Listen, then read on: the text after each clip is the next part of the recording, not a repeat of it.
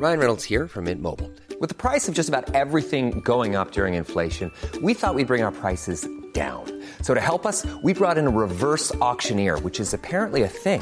Mint Mobile unlimited premium wireless. Ready to get 30, 30, bit to get 30, bit to get 20, 20, 20, bit to get 20, 20, bit to get 15, 15, 15, 15 just 15 bucks a month. So, Give it a try at mintmobile.com slash switch. $45 upfront for three months plus taxes and fees. Promo for new customers for limited time. Unlimited more than 40 gigabytes per month. Slows. Full terms at mintmobile.com. också någonting som är ganska fint med det här långsamheten i yogan, att, att man får tillfälle att känna in kroppen, olika typer av fysiologiska signaler. Alltså vad har jag för liksom puls? Bara den saken tycker jag är ganska häftigt, för det säger någonting om liksom systemet, hur det är riggat i kroppen för tillfället. Vad vi har för stressnivåer, både liksom upplevelser mentalt mässigt, men också faktiskt eh, fysiologiska, alltså påslag av olika hormoner och signalsubstanser och så vidare.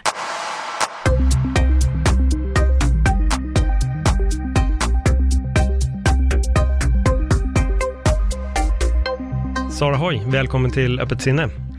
Tackar, tackar. Jag måste säga så här, äntligen får, får jag i den här podden hoppa in i yogans värld, för det är någonting som jag har velat göra väldigt länge. Som jag sa till dig innan vi började spela in, så jag har hyllat och pratat ganska mycket om yoga, lite till och från i den här podden i alla fall. Nu får vi ju snacka om mycket yoga. Ja, definitivt. Ett helt avsnitt. Det är Mm, underbart, om du verkligen. frågar mig. ja, det är klart, det är klart. Och du har precis släppt en bok som heter Yoga, vetenskap och fakta, därför fungerar det. Ja, precis. Eh, Bonnier Fakta har jag fått skriva den för.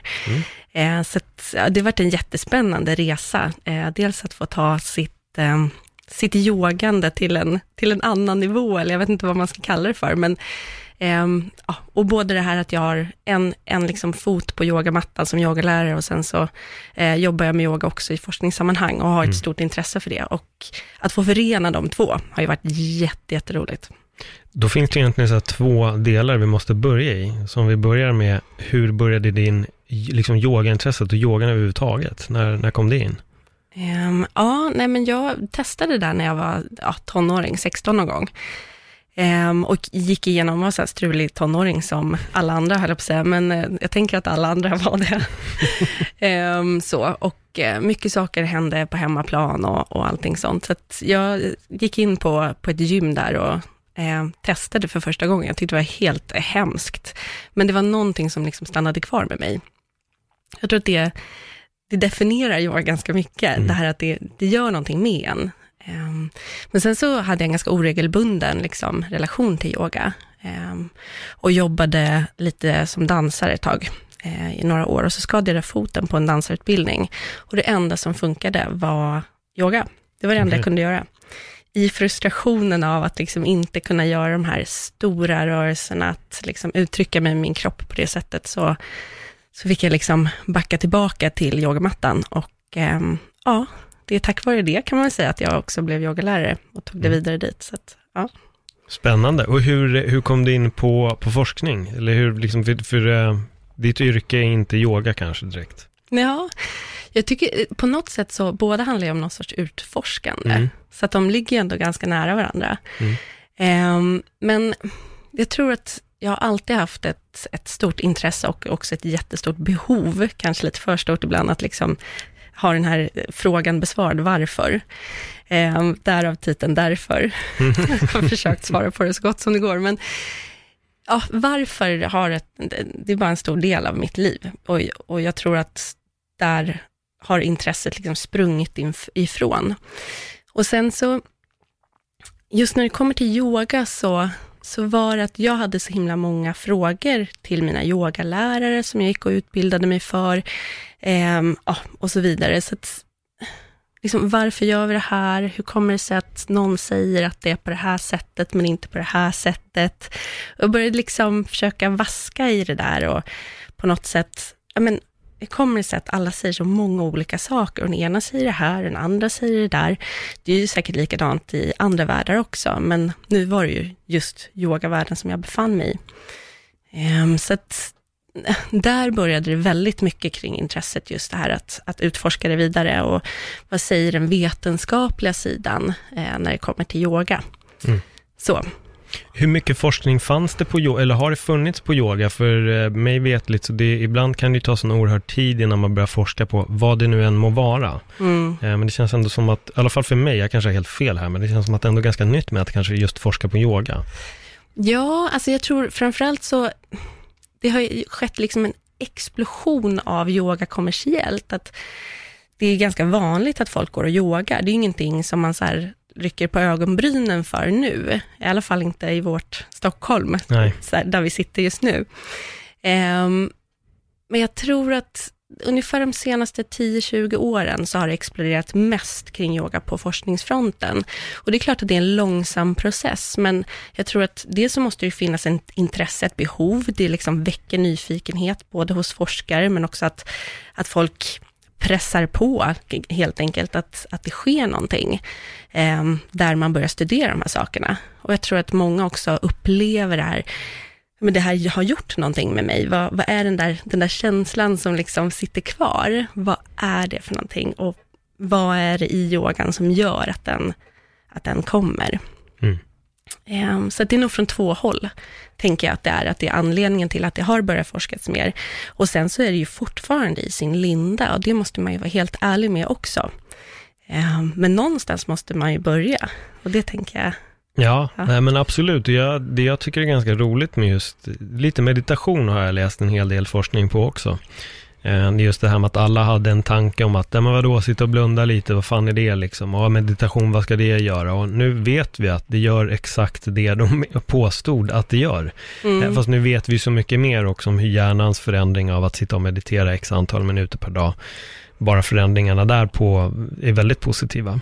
Eh, Och det känns lite som att yogan pekar lite åt samma håll, att man skrattade åt hippies, hippisar som kör yoga. Och, men ja. Ja. det fanns en bra poäng ändå och nu börjar forskningen peka ditåt också. Ja, men absolut. Och det, jag tror det alltid, när folk börjar göra någonting väldigt mycket, det säger någonting om att, ja men antingen är det ju någonting njutningsfullt, eller alltså är, man får ju ut något av det. Eh, men sen så är det ju liksom intressant, men vad är det för effekter och så vidare. Eh, och där tror jag att, för du nämnde meditation, jag bara satt så här och nickade, det ser, ser man ju inte.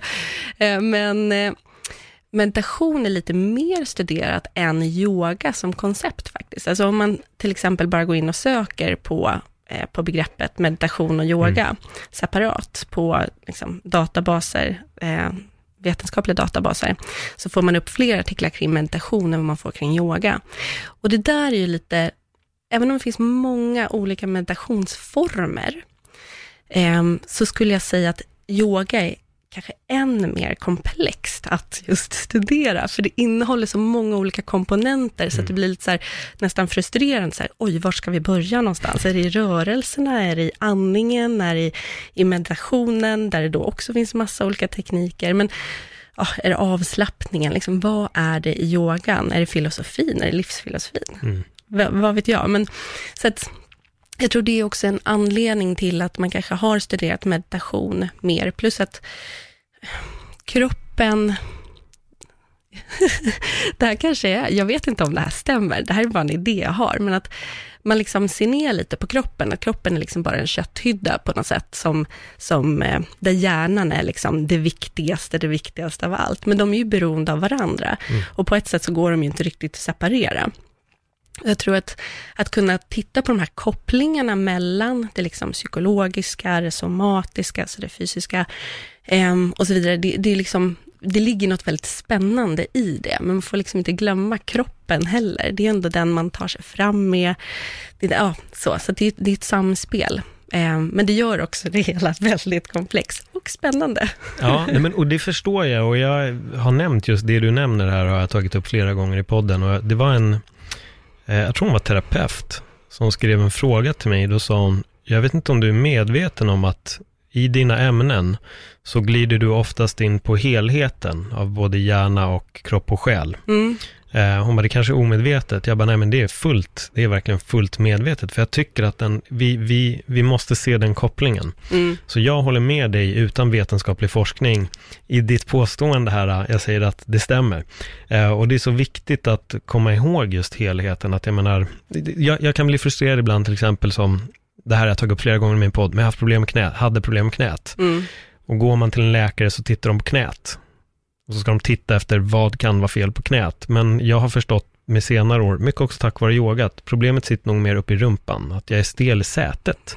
Gluteus medius har orsakat problem och skapat en utorotation av foten, vilket gör att jag trampar snett och får ont i knät. Ja. Så jag menar, man kan ju titta på mitt knä hur mycket som helst, men börjar vi inte titta på helheten, då kommer vi aldrig hitta problemet.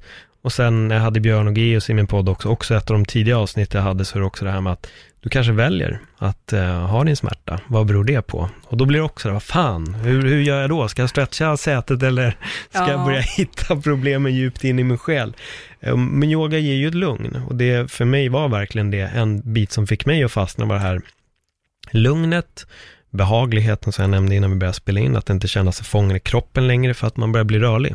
Mm. Eh, vilket är fantastiskt. Så jag förstår verkligen att det är så många komponenter, för det är lätt att läsa studier om meditation, om andning, men sen är vi inne på rörelse, vi är inne på muskelavslappning och stretching och då, ja, det är många. Det är ett potpurri av, av allt att forska på. Ja, men det är verkligen det. Och det, där kanske ligger ett av mina största intressen just nu, rent vetenskapligt, att, att definiera yoga. Det behöver inte vara en definition för oändligheten, men att vi börjar definiera vad är yoga, så vi kan börja studera de komponenterna eh, lite mer än en yoga som liksom helhetskoncept, där vi går in i någon sorts svart box, även om det är jättemysigt när man själv går och yogar.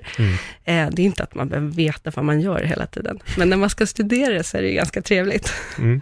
Men, men vad ledde det in på forskning, så här allmänt? Vad... Eh, dels eh, upplevelsen jag också, ja, som jag nämnde, en, en Mm. skada från, från dansen. Och att det var som att det var en fotskada som hade helt sjuk, liksom jag hade jättemycket smärtproblematik. Och det stod liksom inte i relation till vad, vad röntgen ja, visade. Det var som att det var en liten överbelastning, sa läkaren, men då jag förstod liksom, men hur kan jag inte gå på foten? Alltså, det här står inte i proportion till varandra. Så dels så kommer det lite från intresset av liksom smärtvetenskap, vad är det som får en människa att må bra, liksom hälsovetenskap som, som ett väldigt brett tvärvetenskapligt ämne. Eh, Jag valde att studera till folkhälsovetare eh, som min kandidatexamen. Eh, både liksom på individnivå då, men också framförallt på, på gruppnivå. Så här, bara för att det här eh, gör att jag mår bra, gör det också att en stor grupp mår bra av det här. Det går inte alltid, alltså vi kan ju alltid leva med våra egna upplevelser och, och gå efter det, det är ju det man gör sina val utifrån. Men, men är det så att det här faktiskt kan vara bra för andra också, Mm. eh, utifrån den aspekten. Ehm, så att jag tror att alla de här bitarna, och sen så började jag hålla på med en yogaform som eh, var väldigt inriktat på just biomekanik och eh, rörelselära. Eh, där man just var så här, ja men knäled, fotled, hur var de med att göra varandra? Kan ett rörelsemönster liksom förutsäga eventuella skador och sådana där grejer. Så att skadebiten var en ganska stort intresse för mig. Ehm, och nu kanske jag börjar gå mer och mer ifrån det. Mm. Eh, även om jag fortfarande har ett intresse, men det fick mig att eh, dels börja eh, studera idrottsmedicin och biomekanik, anatomi, eh, så, och nu kanske jag är ännu mer inne på fysiologibiten då, och igen tillbaka till liksom hälsa på ett, på ett bredare, ett bredare spektrum. Vad var det för fel med foten? Det var bara en liten överbelastning en sena. Ja, det var så enkelt. Men jag tror att en kombination av hög eh, mental press eller liksom höga krav på mig själv.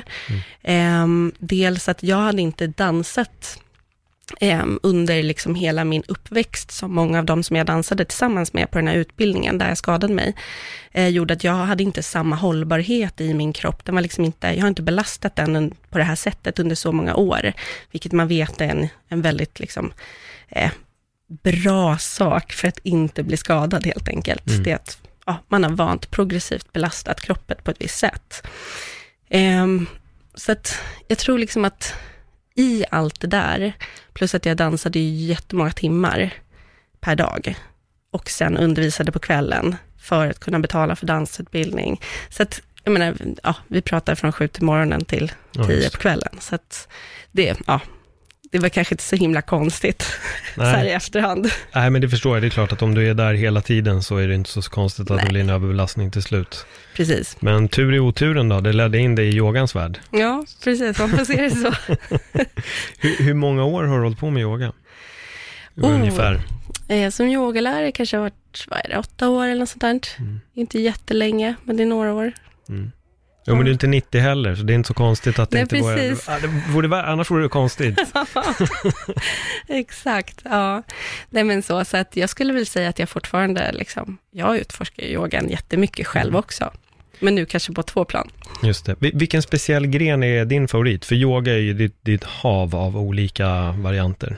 Precis, ja, men jag skulle nog säga att min största, där jag har liksom vaskat runt mest i min egen praktik och där jag också har studerat mest, är ju den fysiska yogan, där man gör liksom positioner, rörelser, alltifrån uppvärmning till, till det att man eh, lägger sig och vilar på golvet igen. Mm. Sen praktiserar jag själv andningsövningar, meditation och, och allting sånt, men ah, jag tror att det, det ska nog några år till om jag eventuellt skulle vilja undervisa mer specifikt i det och hela filosofibiten älskar jag, men alltså det är ju att ta sig vatten över huvudet. Jag tycker jag, det har jag redan gjort av att bara liksom jobba med yoga och hålla på med forskningsbiten.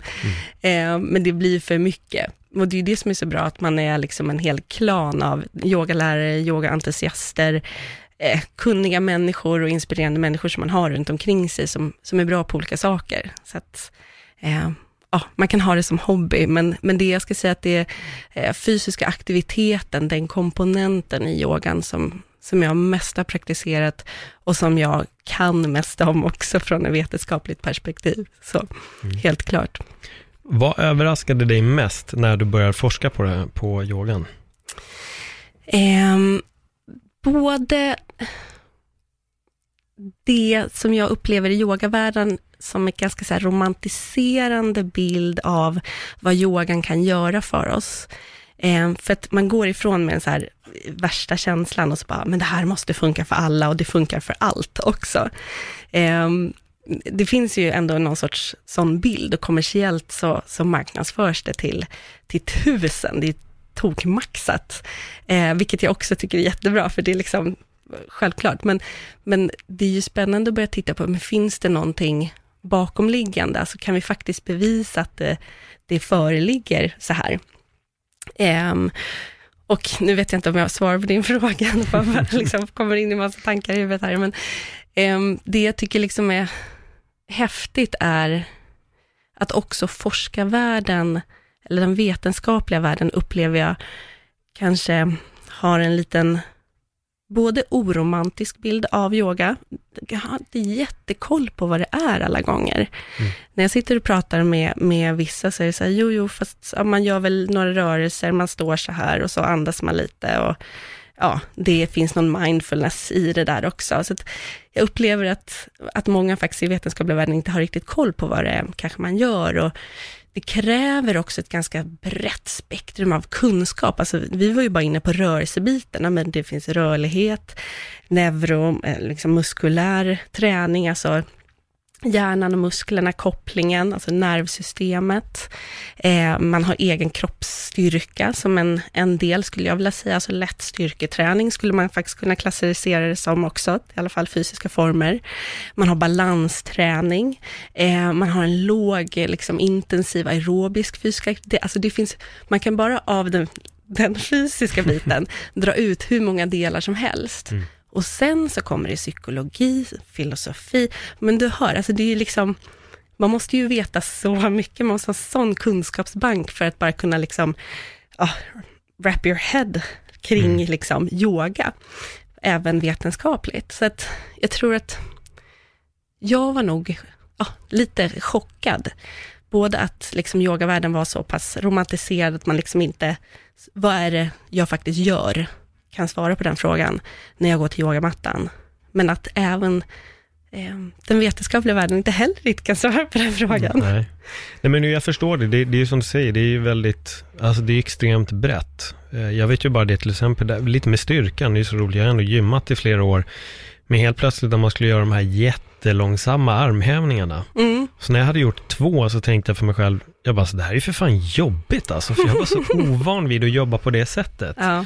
Eh, Men det sköna var, det, man lär sig ändå fort, alltså kroppen lär sig fort, kroppen anpassar sig. Jag gillade det inne med nervsystemet, för det är någonting som, dels när jag tränade mycket street workout, där var det ju Mm. verkligen, jag var ju helt färdig efter de passen, men det var ju också för att kroppen helt, eller hjärnan skulle helt plötsligt koppla om Mm. alla muskelkopplingar från att ha gått från ja, fria vikter eller vad det till att hänga och kunna lyfta sin egen kropp. Och Mm. det, är en, det är en helt, ja det är hjärngympa. Jag skulle nog säga att i början så är det typ 90% hjärngympa. Sen kommer musklerna där också, men, men det ligger mycket i hjärnan. Ja, men precis. Man brukar ju ändå säga att det tar 6 till 12 veckor för den anpassningen. Och sen, det är ju också anledningen till att man liksom ska, ja, tanken är att man ska göra något nytt, varför du får ett styrketräningsprogram under de intervallerna och sen får du göra något nytt.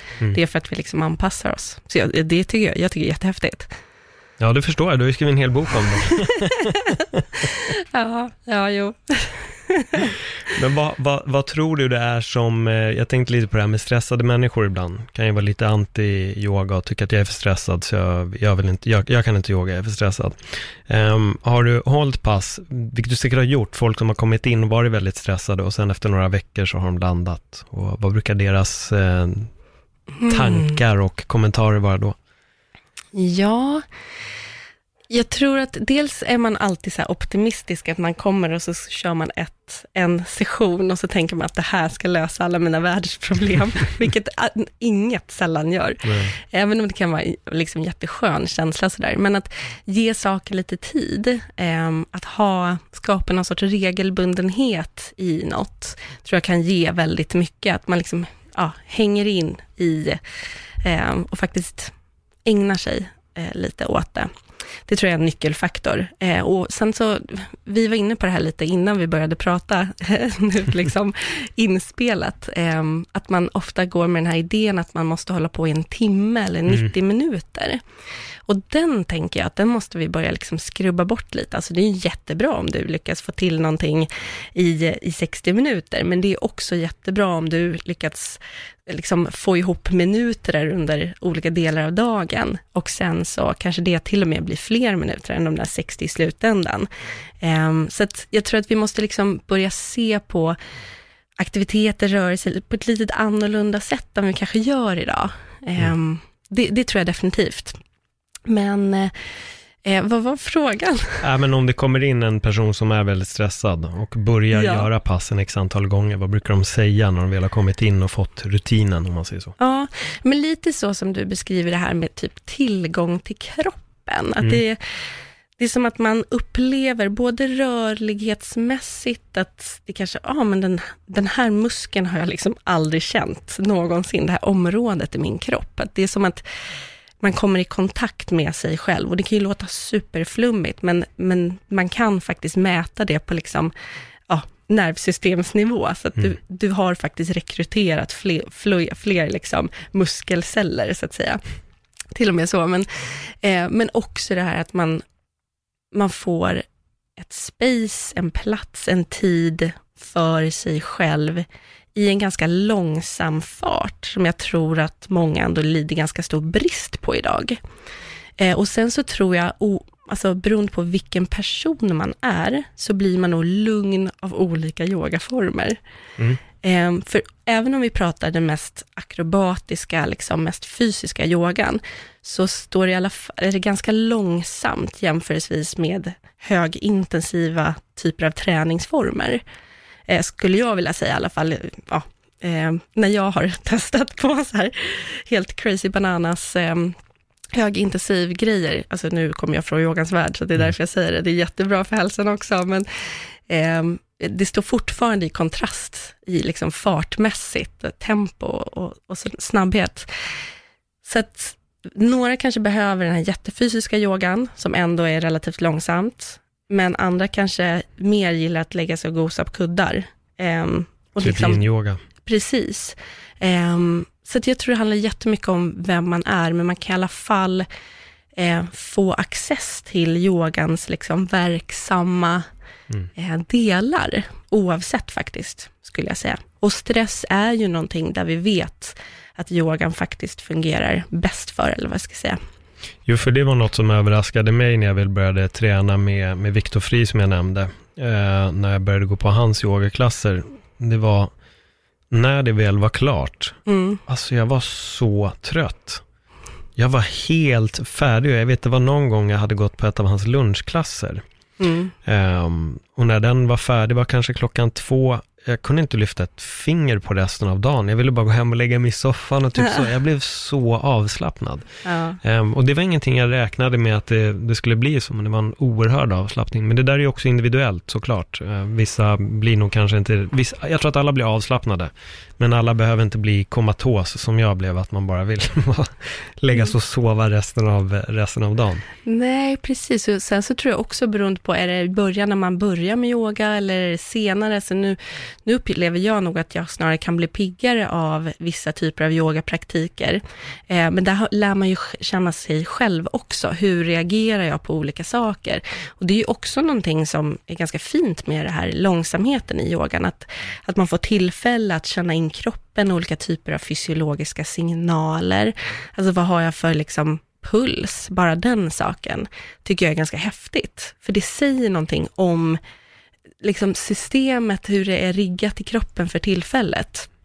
Vad vi har för stressnivåer, både liksom upplevelser mentalt mässigt, men också faktiskt eh, fysiologiska, alltså påslag av olika hormoner och signalsubstanser och så vidare. Så att det tycker jag är ganska eh, häftigt, att man, liksom, ja, man, kan, man kan få komma åt det där. Och det kanske låter jättekonstigt, jag vet inte, men jag tror att det är som att vi ligger och simmar i någon soppa mellan så här totalt högprestationsaktivitet och liksom Netflixande, eh, totalt fysisk inaktivitet. Eh, inget eh, liksom eh, eh svart moln över det. Jag, jag ligger också Netflix Netflixar vissa dagar, men eh, jag tror att vi liksom måste komma ut i det som vi också evolutionärt är skapade för. Eh, och det är rörelse och det är vila. Eh, men det är som att vi liksom har tappat förmågan till både att belasta våra kroppar på ett positivt sätt, att liksom stressa den i, på ett, ett jättebra sätt eh, med rörelse av olika slag. Men sen också att vi måste träna på att vila och slappna av. Och det kanske låter dels paradoxalt att man behöver båda de här sakerna. Eh, jag menar, det kommer jättemycket litteratur på senaste tiden kring att vi, vi är gjorda för rörelse och allt det här, och absolut. Men vi är ju också gjorda för vila. Så det är liksom två delar av samma sak. Um, och både för prestation, men också framförallt för hälsa. Eh, återhämtningens del, hur, hur otroligt viktigt det är. Och jag tror att vi, vi säger jag, men jag kanske bara pratar om mig själv, jag vet inte om det är någon där ute som faktiskt upplever det här också. Men jag kan uppleva att jag har jättesvårt att slappna av i vissa situationer. Att om jag, ja, jag gillar mycket press på jobbet och sådär, liksom jag, jag utsätter mig gärna för sådana situationer. Men då vet jag också att jag måste ha tekniker för att liksom komma ur tankevurporna och liksom tankesnurrorna som jag hamnar i liksom när jag ska gå och lägga mig sen. Eh, där jag liksom fortsätter att tänka på saker och ting och man kanske oroar sig eller ser att göra listan imorgon eller vad det nu än är. Eh, att man då har också strategier och verktyg för att faktiskt få ut mer av sin sömn, liksom vår viktigaste återhämtare. Eh, men också det här liksom att få vår kropp och vårt psyke att, att helt enkelt slappna av, att vila. Har du några tips? Ja, jag brukar själv eh, köra lite bara mjuka rörelser. Jag gillar ändå rörelse. Jag har svårt för att helt och hållet sitta still. Jag är en, en av dem.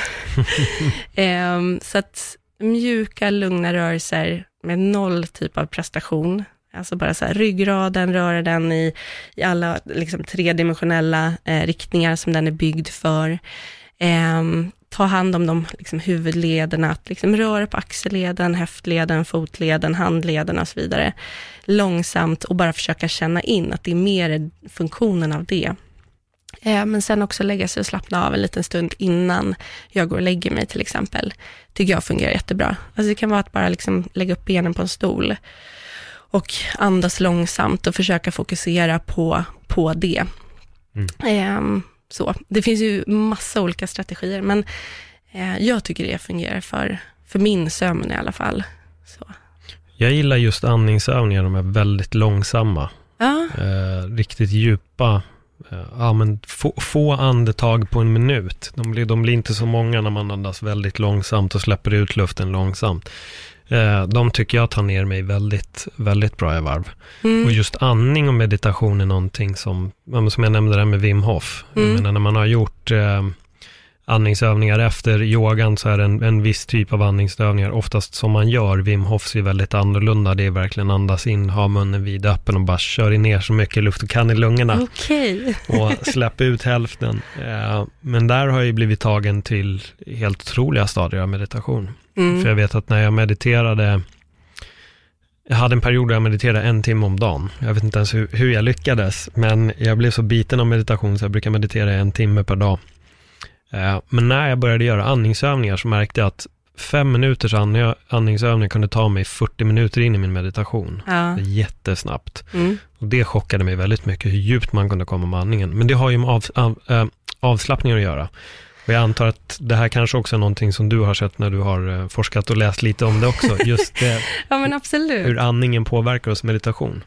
Ja, absolut. Ehm, och jag brukar alltid prata om, om en studie, för jag tycker att den är ganska häftig. Där man tittar på nybörjare, det, jag tror de tog bara 17 personer, men eh, var två minuter långsam andning och där definierade de det som fyra till sex andetag per minut. Eh, och det är ganska långsamt med tanke på att liksom en skolboksman typ andas in ungefär, ja, 12 till 20 andetag per minut annars. Eh, så, så ganska långsamt, man kan räkna till fem på inandning och så till fem på utandning, så kommer man upp i sex andetag per minut. Så, så vet man ungefär liksom, hur mycket det är. Men de gjorde precis det, de testade massa olika andningstekniker, men framförallt den här enkla, långsamma eh, djupandningen hade effekter på dels blodtrycket, vilket jag tycker är jättehäftigt. Jag gillar hjärt och kärlhälsa, liksom en av mina passioner. Eh, men också eh, upplevelsen av oro. Och liksom att ha den här ganska obehagliga känslan i kroppen av, av oro. Jag tror många liksom ändå upplever det. Det är ju ganska Hey, I'm Ryan Reynolds. Recently, I asked Mint Mobile's legal team if big wireless companies are allowed to raise prices due to inflation. They said yes. And then when I asked if raising prices technically violates those onerous two year contracts, they said, What the f are you talking about, you insane Hollywood ass? F- So to recap, we're cutting the price of Mint Unlimited from $30 a month to just $15 a month. Give it a try at mintmobile.com slash switch. $45 upfront for three months plus taxes and fees. Promo for new customers for limited time. Unlimited more than 40 gigabytes per month. Slows. Full terms at mintmobile.com. Many of us have those stubborn pounds that seem impossible to lose, no matter how good we eat or how hard we work out. My solution is PlushCare. PlushCare is a leading telehealth provider with doctors who are there for you day and night to partner with you in your weight loss journey. They can prescribe FDA-approved weight loss medications like Wagovi and Zepbound for those who qualify. Plus, they accept most insurance plans. To get started, visit plushcare.com slash weight loss. That's plushcare.com slash weight loss. det är inget man vill gå runt med och framförallt inte då kanske innan man ska sova. Ehm, så att, att bara två minuter, alltså tolv andetag av att andas in fem, andas ut fem sekunder, eh, hade en effekt på det här. Och det, man har kunnat se det i lite olika studier och sådär. Men eh, just den tycker jag är ganska häftig, för de gjorde det bara på två minuter. Och att vara nybörjare, att det, liksom, det här är inte någonting som man kanske behöver ha praktiserats och att det faktiskt, man fick bättre effekt av de enkla metoderna än de mer avancerade, där man skulle ja, hålla på på massa olika sätt. Ehm, men det som är coolt med andetaget, det är ju att det är kopplat till både en viljestyrd del av oss själva, men framförallt också till en icke viljestyrd del. Och det har ju med vårt nervsystem att göra, alltså vårt system i kroppen för kommunikation. Ehm, och yogan pratar man ganska mycket om det med det autonoma, det icke viljestyrda, alltså det som gör att vi andas när vi sover till exempel. Det är inget man behöver tänka på. Jag behöver inte tänka att jag ska andas, tack och lov, det är ju hur bra som helst. Det är, liksom, det är ganska schysst design vi har ändå, i liksom, ja, bara att vara människa. Men eh, just när man liksom tittar på de här delarna då, av den autonoma, det icke viljestyrda delen, så, så finns det en uppiggande del, skulle man kunna säga, som eh, man kallar för sympatiska eh, nervsystemet och sen så finns det den delen som kallas för parasympatiska. Eh, och när vi tränar hårt eller när vi är under presskrav och så vidare, så stimulerar vi liksom den sympatiska delen ganska mycket. Den är hur fin och bra som helst. Det är, liksom, det, är det som gör att vi går upp på morgonen, att, att vi får de här hormonpåslagen av adrenalin, noradrenalin, kortisol och så vidare. Eh, men det där är inget vi ska ligga och tuffa i för länge. Att vi, får de här, vi kan ju få långvariga negativa eh, konsekvenser av det. Och då är andningen väldigt kopplad mellan de här två olika systemen. Så att du kan påverka, komma in mer i den parasympatiska delen av nervsystemet som har en lugnande, man brukar kalla det för rest and digest. Det finns massa olika mysiga namn på det här.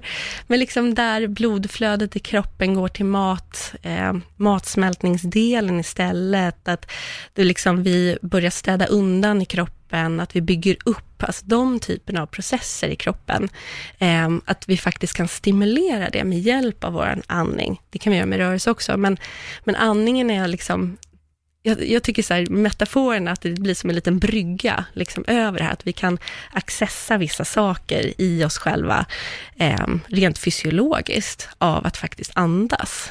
Och jag, nu kan inte jag jättemycket om Wim Hof-teknikerna och sådär, så att, ja, ni får förlåt mig där ute om, om jag säger någonting fel, men jag tänker ändå att det kanske, det handlar ganska mycket om att eh, ta kontroll av de här ganska automatiska processerna som går igång ibland. Att försöka, eh, när kroppen säger att men nu måste du andas, om man till exempel sitter och håller andan, att man kan slappna av i det, att faktiskt fortsätta hålla andan. Ja, jag, sådana jag, typer av saker. Jag kan ja. tillägga där, för det var en sak som fascinerade mig ganska mycket, precis det du säger, för man får, för er som inte vet så går det ut på att man drar 30 djupa andetag, man släpper ut hälften av luften mellan varje utandning. På den sista utandningen släpper man ut allt och då håller man andan så länge man kan.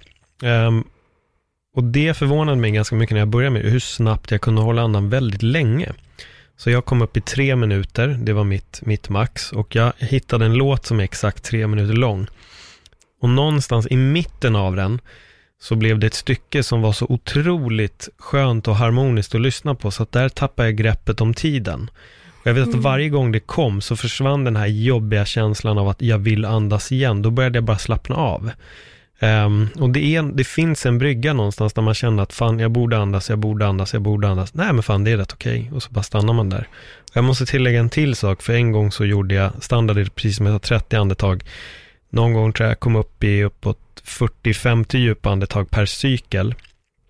Och jag tror den sista, jag vet inte hur många djupa andetag jag drog, men jag drog så många djupa andetag att till slut kunde jag inte fysiskt dra in någon mer luft.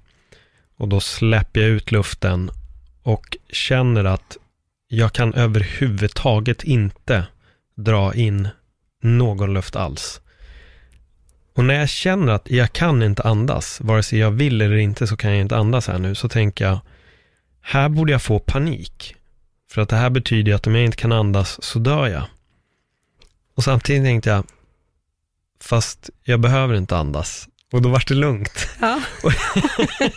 jag vet inte hur lång tid det tog tills jag kunde ta ett andetag igen. Men jag vet att efter en stund så släppte det bara, det blev lugnt och till slut så kände jag att okej, okay, här kan andas. Men det var väldigt litet. Jag vet inte om jag hade, alltså jag måste ha syresatt min kropp något så oerhört mycket att den bara, det fanns inte tillgång för mig. Kroppen sa stopp, du ska inte andas alls överhuvudtaget.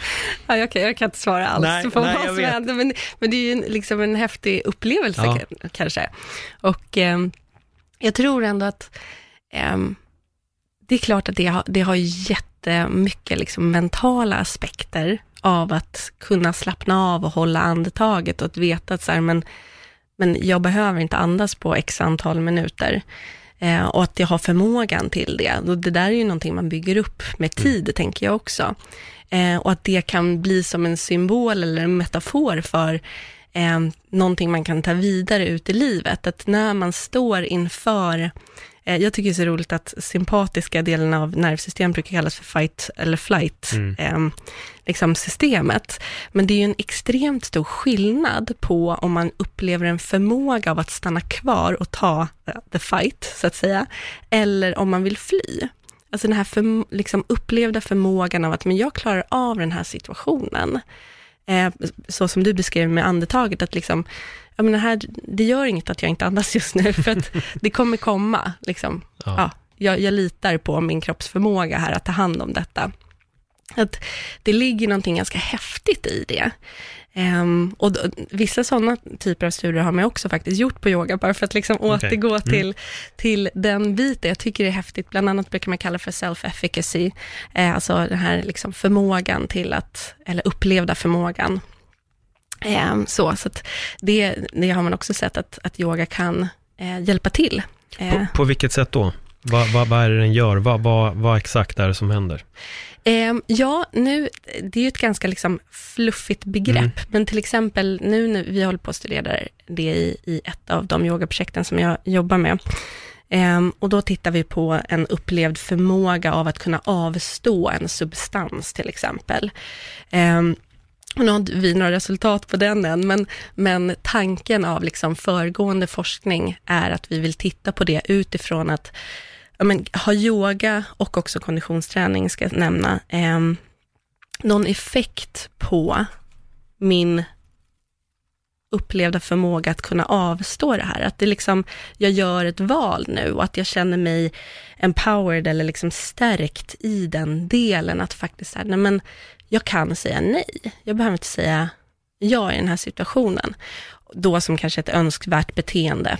Ehm, så, vi, ja, Mm. jag kan inte nämna mer om den Nej, studien just nu, men, men, eh, men det är ganska ändå ofta vi ställs inför de sakerna i livet, tänker jag. Det kan ju vara egentligen vad som helst. Mm. Ehm, men jag, jag tror att det är en ganska viktig del, att liksom, det har ju någonting med självförtroende och självkänsla att göra. Ehm, så, så att, ja.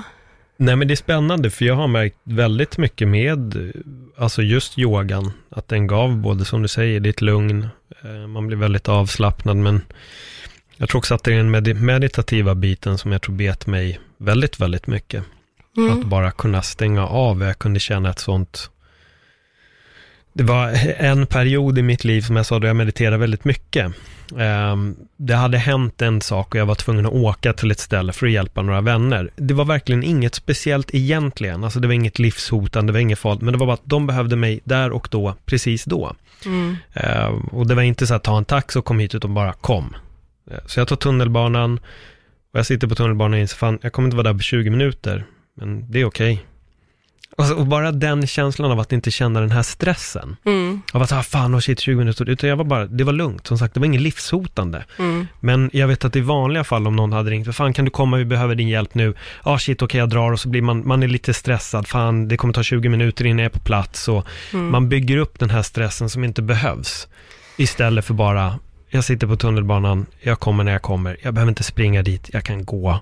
Det är, liksom, det är lugnt, de Mm. behöver mig, men det är ingen som har dött. Det är, det är, det är inte livshotande, men jag tror att i vanliga fall hade jag nog mer flugit in i det. Okej, shit, jag måste vara där nu. Okej, bruff, och så blir man Mm. superstressad. Eh, och jag kunde uppleva det under många olika instanser under dagarna. Att det i vanliga fall borde ha blivit liksom fått den här nästan lite fäkta eller flyreaktionen så var det bara, "Ah, ja, det tar den tiden jag tar. Missar jag en tunnelbana, men det är okej, det kommer en till. Mm. Man, man får en väldigt så här, lugn och harmonisk känsla. Och det, jag vet inte vem, jag hade någon i podden, vi pratade om det här, det som är din normala stressnivå. Mm. Om man har som, som en klocka liksom. Vi säger att din normala stressnivå ligger på, på sex. Men helt plötsligt när man börjar med yoga så var det ungefär, och just meditation, som är, det var ungefär som att den backade sex slag bak. så sen, sen när man la ner just lite yoga och meditation under en period, då märkte jag att jag blev mycket mer stressad snabbt. Mm. Det blev tvärtom istället för att jag hade levt i en sån lugn fas under en sån lång tid. Så helt plötsligt var det små saker som jag, fan det här blev jag inte stressad över förut, men jag har varit lugn så länge. Mm. Men det är väldigt, det, det var någonting som verkligen fascinerade mig väldigt mycket, det här oerhörda lugnet, hur man bara kunde rycka på axlarna för så otroligt mycket. Ja, ja men och det tror jag, jag tror att det kan vara en, en jättebra egenskap. Och det, på något sätt kan det ju det också gå över i någon sorts nonchalans. Och det är ju Mm. verkligen inte det vi pratar om här, utan det är verkligen den här förmågan av att, men när, vilken, liksom, när ska jag portionera ut min mentala och fysiska kapacitet? Eh, när är det viktigt? Det är inte viktigt hela tiden, eh, för det är inte hållbart för Nej. någon. Eh, så att där tror jag att man, man kan liksom träna upp sig i när ska jag köra på, när ska jag ta det lugnt eh, och att lära känna sig själv också hur man fungerar som bäst, att liksom vilka situationer där jag behöver pressa mig mer, ja men då kan man ju pressa sig mer kanske till och med. Och i vilka situationer ska jag faktiskt bara ta det lite lugnt. Mm. Eh, ja, men det, och igen, det, jag tror att vi ligger liksom lite mitt emellan eh, ganska ofta. Alltså jag upplever det själv också, precis som du säger, att om jag inte har gjort eh, min- liksom min praktik eller ja, vissa typer av, av aktiviteter på ett tag, ehm, så det gör någonting med mig. Det är liksom, ja, ta mig, det, ja men den där klockan som du pratade Ja. om, det är liksom, jag, jag blir sämre på att, på att portionera ut den här kapaciteten som, som jag annars upplever mig själv ha ganska bra koll på. Det handlar kanske inte så mycket om kontroll, men just det där liksom, att man lär känna sin gas och broms mycket, mycket mer.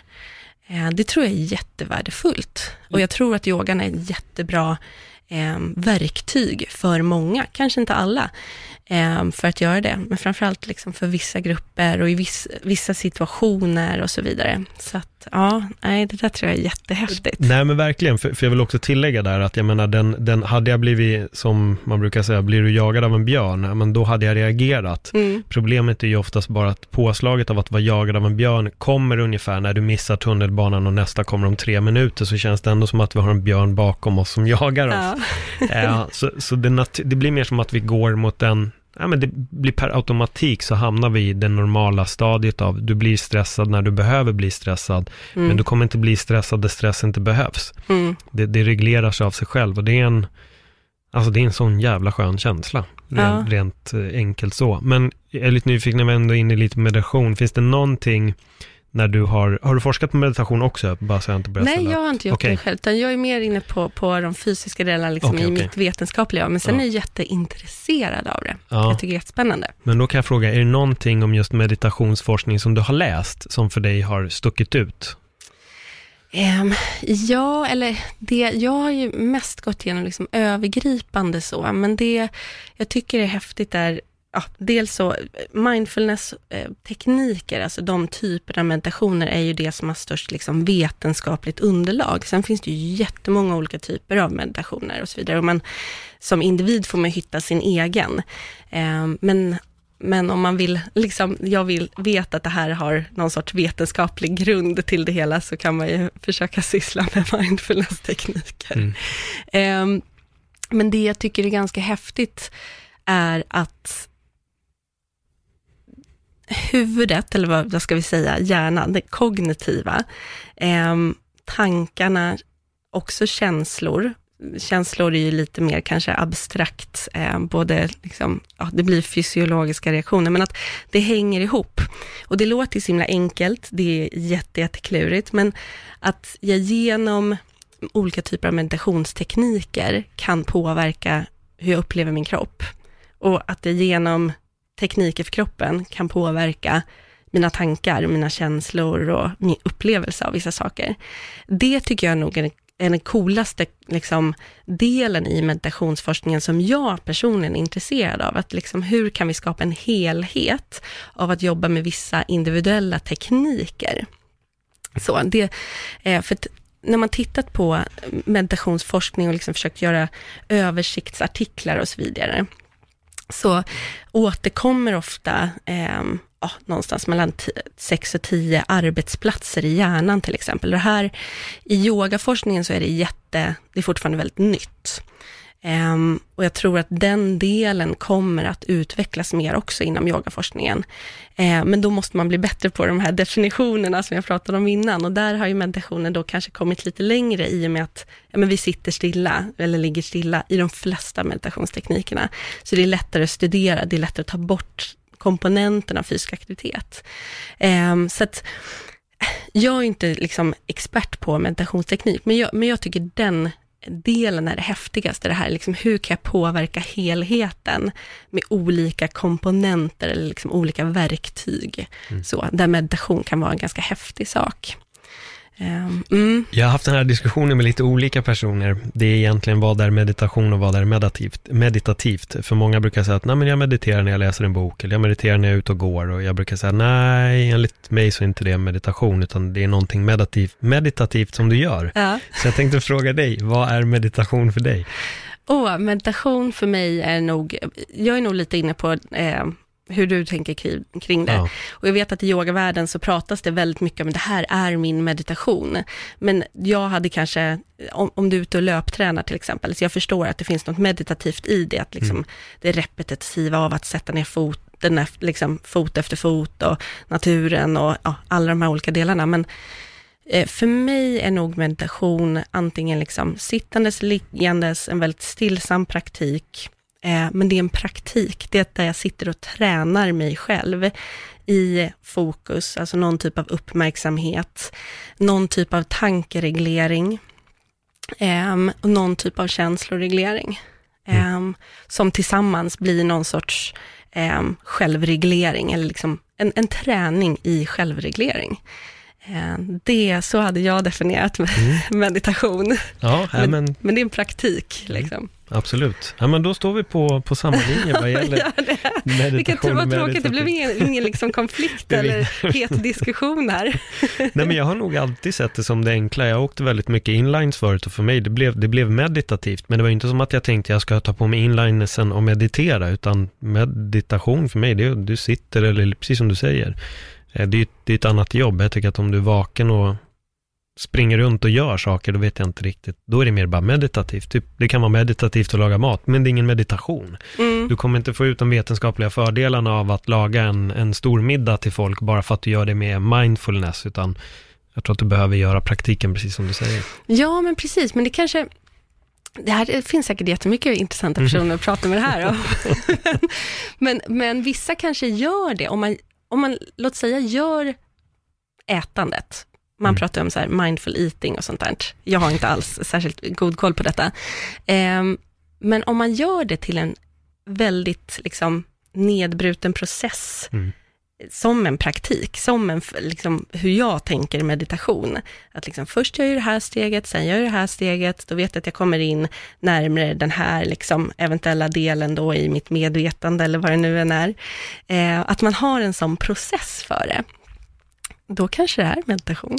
Ja, det låter lite så. Jag tror, är det inte kineserna som gör te? Och att det är Precis. världens process. Det ska göras på ett speciellt sätt och den kanske är meditationste. Ja, men precis. Så, så jag tror säkert, men det är liksom, mm, att det ligger någonting i Ja, praktikdelen, görandet, tränandet av någonting. just det. Ehm, ja, nej. Ja, men spännande. Ehm, vi går tillbaka till lite yoga och rörelser. Ehm, om du skulle säga några rörelser för en nybörjare till exempel. Vad, vad skulle du rekommendera för någon som är lite ny i yoga? Vad, vad bör man starta upp med? Ja, ehm, nu ska jag vara lite krånglig i det svaret. Mm, jag ska bli enkel sen. Men när det kommer till eh, rörelse överlag, så måste man börja tänka på, men vad har jag för syfte för det här? Alltså visst, generellt rörelse är jättebra, och då kan man tänka på så sätt att involvera så stora delar av kroppen som möjligt, ofta involverade i armar och ben, så kanske stående positioner, ehm, sådana typer av, av liksom saker. Antingen att du jobbar ganska mycket statiskt, att du tar i ganska mycket, still, liksom i ja, eh, stående positioner, alltså bara stilla helt enkelt, fast du gör jobbet. Eller ganska dynamiskt. Eh, då är det så att man liksom har hållit på med sin yogapraktik lite längre och tänker att det här är någonting jag ska göra varje dag, eller något som jag vill göra ofta. Då måste man ju börja bli lite mer specifik i vad är det jag väljer att göra. Ska jag köra samma yogapass vecka efter vecka, månad efter månad, år efter år, när vi vet fysiologiskt att kroppen anpassar sig, så du behöver variation, du behöver en utmaning, alltså en progression i hur du belastar kroppen för att få liksom, eh, en adaption.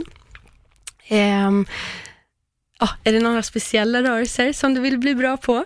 Eh, då kanske du behöver träna mer på dem och bryta ner dem och titta på liksom, vad, vad är det jag vill, vill bli bättre på? Jag tycker inte, det finns ingen liksom prestation i det överlag. Eh, ibland så pratas det om, eh, om det som att det nästan blir det, att liksom, men nu ska jag jobba den här tekniken, men jag tycker det finns något meditativt i teknikträning. Nu är jag extremt nördig kring teknikträning, jag tycker det är liksom roligt och sådär, men, eh, och det behöver man inte vara, men det finns något väldigt liksom meditativt i att bli specifik i sin träning. Nu tränar jag mer på den här rörelsen under några veckor, eller jag kanske liksom fokuserar på mer meditationstekniker eller andningstekniker under vissa perioder och så vidare. Så det, det gör ju också att man har en sorts, ja, en, att man får lite nytändning i sin praktik. Eh, men där är man säkert olika också. Men jag tänker, liksom, är det generellt eller är det specifikt? Där, där tycker jag att man ändå måste börja prata lite kring liksom yogans rörelser, vilket jag ser lite, lite för lite inom yogavärlden, upplever jag det som i alla fall. Men nu kommer jag från en, en rörelse, eh, liksom vetenskaplig del. um, så. Men framförallt involvera stora delar av kroppen om det är rörelse. Och eh, det är ju för övrigt en ganska rolig studie där man testade eh, 30 kvinnliga studenter på eh, exekutiv funktion. Och då var det framförallt att eh, korttidsminnet kunde använda det eh, snabbt, alltså typ lösa en uppgift ganska snabbt. Eh, och också att kunna stänga ute annat, som liksom annat surr runt omkring en och fokusera på en uppgift. Och då testade man yoga, konditionsträning och eh, också en kontroll, där man inte gjorde någonting. Eh, och efter 20 minuter, och det här var stående positioner, eh, det var en sittande och en liggande position också, i yogan så, så hade yogagruppen eh, bäst resultat. Okay. Eh, nu ska vi säga att det finns väldigt mycket vetenskapligt stöd för konditionsträning, så att det finns fler studier och säger men att yoga också kan ha den potentialen tycker jag är ganska coolt. Mm. Och att det inte behöver vara de här 90 minuterna, så att verkligen ett tips för att gå tillbaka till frågan, liksom, jo, ta minut efter minut har du inte en timme, men kör fem minuter eller kör 20 minuter. Alltså det kommer att få effekt. Ja, det i slutändan så blir fem minuter om dagen mer än ingen timme i veckan. Ja, gud, absolut. För det är lite så man lätt snöar in, vilket jag själv har gjort, eh, som jag pratade om också innan vi började, att det blir det här, man blir så van vid att nå en timme eller 90 minuter, att när man bara nådde 20 kände man sig nästan besviken. Och mm. då blev det att man typ gjorde inte alls, eller jag, jag gjorde inte alls. Mm. Eh, men det är bara det, ja precis, många saker man tänker om på. Så det, jag får börja tänka om här också och ja, precis. köra mer yoga igen. Och jag har faktiskt skrivit lite om det i boken, just det här att eh, myror är större än älgar, brukar jag prata om. Jag har fått det här av en kompis, men eh, just, ja, vi satt och pratade förra sommaren och så sa han så här, men du, eh, vet du att om man lägger ihop alla myror i skogen så har de större biomassa än om man lägger ihop alla älgar? Och jag bara så här, va? och, eh, och det var lite roligt, så kollade jag upp det där, det är faktiskt sant. Men det man tittar på i skogen, man åker ju och tittar på älgar, man åker ju inte titta på myror. Nej. Um, och att vi, just den där timmen blir verkligen en symbol för den här älgen som man är så himla, liksom, man fastnar, ens ögon fastnar vid det. Alltså uppmärksamhet. Men att om vi till exempel inte ens Alltså vi behöver inte ens räkna på en vecka, vi kan räkna på en dag. Om du tar bort åtta timmar som du sover och så har du 16 timmar kvar. Och så tar du fem minuter varje timme, så blir det 75 minuter istället för 60. Alltså mm. det, jag, jag, tycker ändå så här, vi, vi, kan ju bara göra ren matte på det här. Ja. så att, eh, ja, det, absolut. Så här, myror är större än älgar. Och eh, det är någonting som jag tror också är väldigt viktigt med den här liksom ganska lågintensiva formerna av rörelse, när vi liksom pratar fysisk aktivitet, som vi vet har extrema effekter. Alltså det, det är helt häftigt. Om det hade gjorts i ett piller, så hade ju eh, alla börjat liksom bara hälla i sig. Eh, för de fina effekterna som fysisk aktivitet har. Ja. Um, så att jag tror att liksom börja jaga minuterna istället för stirra dig blind på den där timmen. Alltså börja titta på myrorna. Eh, de är ju för övrigt också ashäftiga. Tänk hur mycket kroppsvikt liksom, de bär runt på och allt det där. Men verkligen se myrorna istället för, för älgen i det här i just det här i alla fall. Ja, precis. Då måste jag göra en Marvel-referens. Det är inte för inte han heter Ant-Man och inte Moose-Man. ja, exakt, kolla. Ja, de vet det också. Har du någon mer sån här, typ sån här studie som du vill dela mer av? För det där tyckte jag var väldigt intressant. Oh, ja, men det finns, eh, får, man får läsa boken. Ja, jo, precis. Såklart. Nej, men det finns jättemycket och ehm, jag tycker det är ju otroligt roligt med studier överlag och vissa Mm. studier är ju eh, mer liksom med större material. De kanske inte är lika, så här, vad ska man säga, sexiga att läsa, även om de har väldigt bra vetenskaplig liksom, tyngd. Eh, men just när man hittar de här små godingarna, så det är ganska roligt också att berätta om dem. Men jag kan berätta en om eh, Mm. lite machomän från Brasilien. Ja, Det här är ju jättegeneraliseringar av att jag tänker att militärer från Brasilien är machomän, men eh, just för att det är så många studier som har gjorts på, på kvinnor när det kommer till yoga, och mest kvinnor håller på med yoga rent krasst. Eh, så gjorde man en, en studie i Brasilien där man tog 36 stycken eh, militärer och så eh, har de liksom en träningsregimen från början, alltså de har fyra gånger i veckan där de tränar ganska hårt, styrketräning och konditionsträning. Eh, och så tog man liksom hälften av gruppen, då fick de fortsätta göra det och sen så andra hälften, eh, där man bytte ut två av passen till yoga. Eh, och det man kunde se, dels så eh, gick depressions och ångestnivåerna ner i yogagruppen, något radikalt. Det blev i princip 0 procent. Det var inte jättehöga grader, men man vet, det är liksom en, en utsatt eh, yrkesgrupp, skulle man kunna säga, rent mentalt och fysiskt. Ehm, men också att man kunde se att kortisolnivåer, alltså det här stresshormonet som vi har, eh, gick också ner när man gjorde salivprover. Eh, jättehäftiga effekter faktiskt. Det är Ja, också en, verkligen. en liten studie, men ganska roligt att även brasilianska då macho-män Mm. inom militären kan få effekter av yoga och, och inte bara, eh, ja, nu sitter jag här som vit kvinna själv. Eh, det kanske är liksom för, för alla olika sorter och det är också någonting som kommer behöva utvecklas eh, i yogan, att titta på olika grupper, att, att börja definiera liksom vad, vilka är det vi studerar eh, och är det här bra för alla eller är det vissa grupper som verkar få större effekt än andra och så Mm. vidare. Så det tycker jag är jättehäftigt. Ja, nej, men definitivt. Jag tänkte som avrundning på den här podden. Ehm, jag började skratta länge och högt, inte ens för mig själv bara, jag bara började skratta rakt ut. Det var någon skola i någon stad, jag kommer inte ihåg vilken det var, som skulle ha yoga för barnen. Eh, men då var det, jag tror att det här var fri, frikristna Mm. familjer som sa då att nej, herregud, de får absolut inte göra yoga eh, på grund av att vi är kristna och då gör man inte yoga. Vad, jag antar att du har läst det här också och hade du någon Ja. spontan tanke om, eh, om deras stora, vad ska man säga, extrema missförstånd om vad yoga är? Ja men precis, och det, tror jag, det är nog inte bara inom liksom, kristna grupper, det är nog inom flera, att man tänker att, att eh, yoga har en, en religiös del till sig. Nu ska ju, liksom, i Sverige, den yogan vi studerar och även den internationellt, den mesta yogan som studeras är extremt sekulariserad. Det innebär att det finns inga liksom, religiösa element kvar, men däremot så refereras det ju ibland till även liksom, indiska gudar och gudinnor här hemma, om man går på en yogaklass och så vidare. Så att jag, kan, jag kan förstå det där åt båda hållen och då än en gång, jag är ju definitionsfreak, det, det märker du ju säkert. Men jag tror att man måste börja prata om, liksom, vad är det vi gör på yogamattan? Eh, för det kommer gynna både de diskussionerna, det kommer gynna forskningen för att den kan bli bättre, för då vet vi vad det är vi studerar. Och vi kan också bli bättre och lära känna vår praktik bättre. Att okej, ja, men idag gjorde jag de här fysiska rörelserna, eller idag gjorde jag så här mycket mer andningsträning. Vilka effekter fick jag personligen av det? Att man lär känna sin yogapraktik lite bättre, eh, för att veta hur man ska liksom portionera ut den och när ska jag göra det här istället för det här? Alltså, ja, hur ska man prioritera i sin yogapraktik? Så att jag tror alla skulle helt enkelt få ut mer av att vi börjar definiera och prata om, men vad är yoga? För att sen kunna svara på liksom frågan hur. Just det. Ja.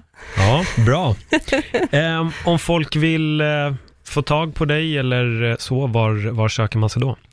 Eh, ja, jag hänger lite på sociala medier, yoga prehab, eh, finns på Instagram där och yogapreb.se är min hemsida. Där hittar man väl liksom det mesta. Annars så hänger jag ju numera i bokform på Bokus och Adlibris och alla ja, bokhandlar. Eh, men det är väl där framför allt. Så, mm. så att, eh, ja, är man intresserad av att prata mer så hör av er helt enkelt. Mm. Nej men absolut, jag kommer länka till sidan och till din bok. Det finns i bion, så ni som lyssnar på podden, det är bara att klicka så, så hittar ni den där. Sara Hoy, tack för ett eh, härligt yogasnack. Tack så jättemycket för att jag fick vara med. Ja men absolut, absolut. Och eh, jag ska köra yoga ikväll, även om det är fem minuter, så är det fem minuter. Det är myrorna här nu. Ja. Jag är inne på det. I framtiden kanske jag är en Ant-Man också, who ja, knows? Exakt. Vi får se. och till er som gillar podden, ja, ni får jättegärna dela den på era sociala medier. Tills nästa gång, ha det jättebra. Hej då!